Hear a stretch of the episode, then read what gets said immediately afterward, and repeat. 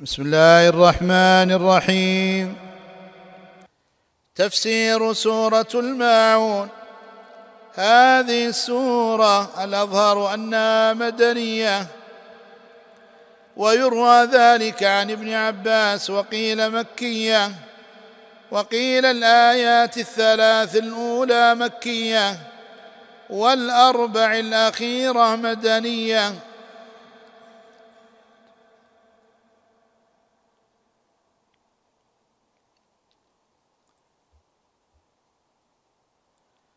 وقيل الآيات الثلاث الأولى مكية والأربع الاخيره مدنية.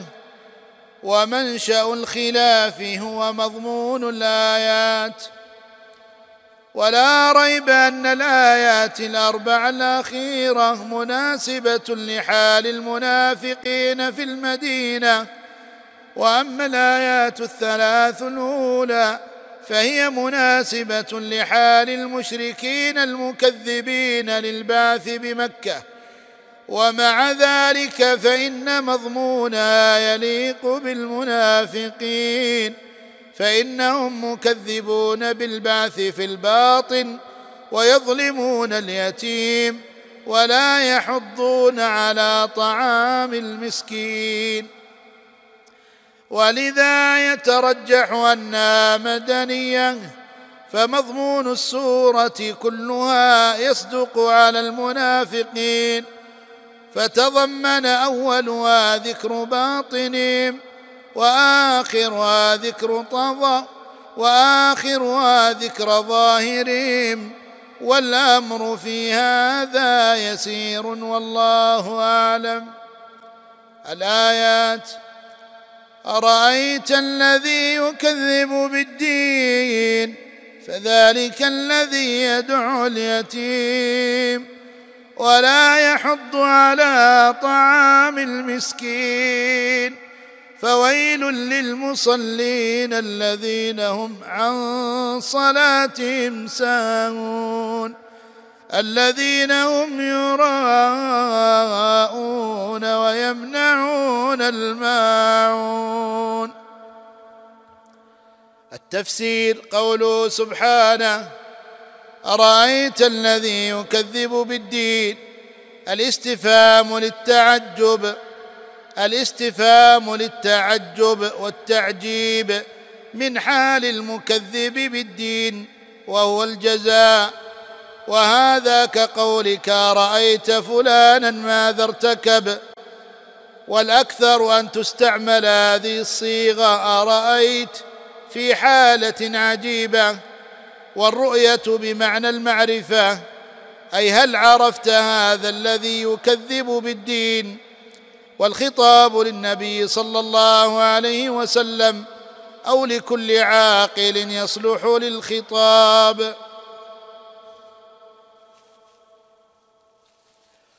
ولما حصل التشوف إلى معرفته بينه بقوله فذلك الذي يدع اليتيم أي فهو الذي من أخص صفاته أنه يدفع اليتيم عن حقه بعنف ويظلمه واليتيم من مات أبوه ولم يبلغ ولا يحض على طعام المسكين. أي ولا يحث غيره على إطعام المسكين. وإذا كان لا يحث غيره فمن باب أولى أنه لا يفعل ذلك لشدة بخله وقسوه وقسوة قلبه فمن باب أولى أنه لا يفعل ذلك لشدة بخله وقسوة قلبه وفي الآية الحث على الرحمة. والتواصي بها وأن ذلك من صفات المؤمنين كما صرح به قوله تعالى ثم كان من الذين آمنوا وتواصوا بالصبر وتواصوا بالمرحمة أولئك أصحاب الميمنة. ومن الدعاء الماثور اللهم إني أسألك فعل الخيرات وترك المنكرات وحب المساكين.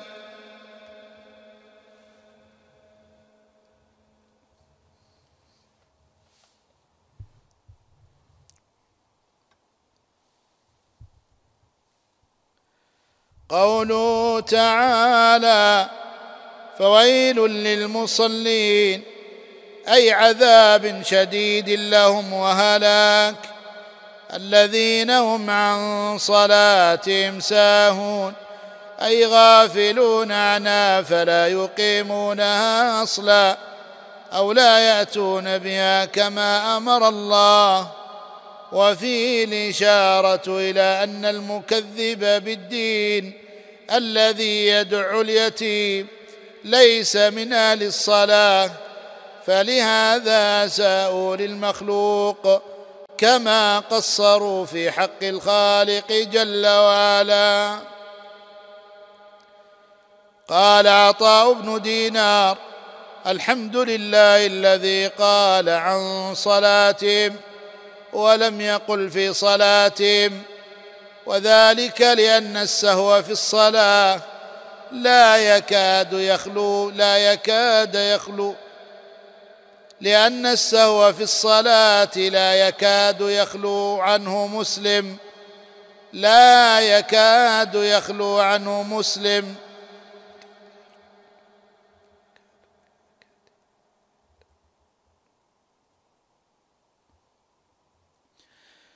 وذلك لأن السهو في الصلاة لا يكاد يخلو لا يكاد يخلو عنه مسلم. فليس هو أمرا اختياريا خلافا للسهو عن الصلاة. فليس هو أمرا اختياريا خلافا للسهو عن الصلاة. فإنه أمر متعمد. نسأل الله السلامة. الذين هم يراءون الناس بصلاتهم وسائر أعمالهم. فيظهرون أنهم من أهل الصلاح والتقوى وهم بضد ذلك. فليس همهم رضا الله عز وجل فليس همهم رضا الله عز وجل. وهذه صفة المنافقين. كما قال تعالى إن المنافقين يخادعون الله وهو خادعهم. وإذا قاموا إلى الصلاة قاموا كسالى يراءون الناس ولا يذكرون الله إلا قليلا. ويمنعون الماعون أي يمنعون السائل أقل الأشياء مما يتعاور الناس. أي يمنعون السائل أقل الأشياء مما يتعاور الناس فيما بينهم كالكأس والإبرة ونحوهما ومن باب أولى أنهم يمنعون الزكاة فهم موصوفون بأشد البخل وفي الإخبار عنهم بصيغة المضارع يكذب ويدع ويراءون ويمنعون إشارة إلى تجدد ذلك منهم واستمرارهم عليه. الفوائد والأحكام. اولا تقبيح حال الكافر المكذب بالجزاء والتعجب والتعجيب من قبح ما صنع. ثانيا ذم هذا المكذب بالقسوة والظلم للضعيف. وبإعراضه عن الدعوة إلى الإحسان. ثالثا أن التكذيب بالبعث والجزاء ينشأ عنه فساد العمل لأنه لا يرجو ثوابا. ثالثا أن التكذيب بالبعث والجزاء ينشأ عنه فساد العمل لأنه لا يرجو ثوابا ولا يخاف عقابا. رابعا إثبات الجزاء على الأعمال.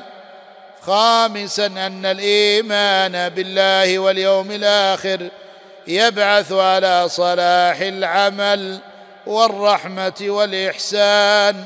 رجاء ثواب الله وترك الظلم خوفا من عقاب الله.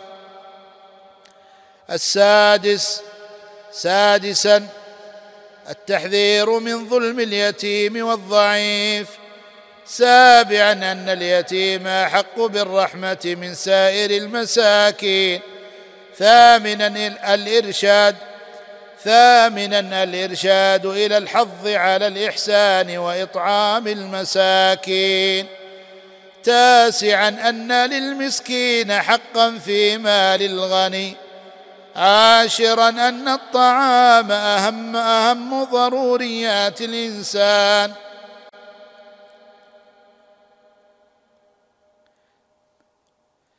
عاشرا أن الطعام أهم ضروريات الإنسان. الحادي عشر تهديد المصلين الساهين عن صلاتهم. الثاني عشر ذمهم بالرياء. وبمنع الإحسان الذي لا يضرهم ولا ينقصهم.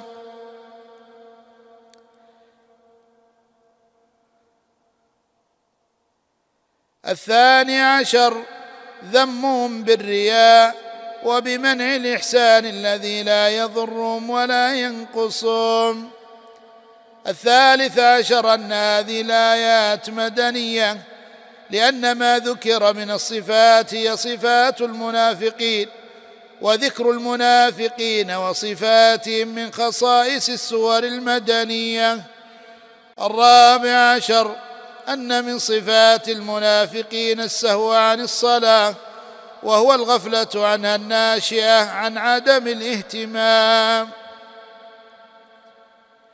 الخامس عشر الفرق بين السهو عن الصلاة والسهو في الصلاة. السادس عشر عظم شأن الصلاة عند الله. السابع عشر أن من صفات المنافقين الرياء. الثامن عشر أن من صفات المنافقين البخل. ولو بالشيء اليسير من النفع كعارية الدلو والماعون والفأس. ففي شاهد لقوله تعالى ويقبضون أيديهم. التاسع عشر. أن هذه الصفات جمعت التفريط في حق الله وحق عباده. العشرون. أن الكفار مخاطبون بفروع الشريعة. لأن الله ذم الكافر على ظلم اليتيم وعلى ترك الحظ على إطعام المسكين. وأخبر تعالى عن المجرمين إذا سئلوا عن سبب عذابهم أنهم يقولون قالوا قالوا قالوا لم نك من المصلين. ولم نك نطعم المسكين. كان هذا المشروع برعاية أوقاف الشيخ علي بن عبد العزيز الضويان رحمه الله وغفر له ولوالديه وبارك في ذريته وجعله في موازين حسناتهم.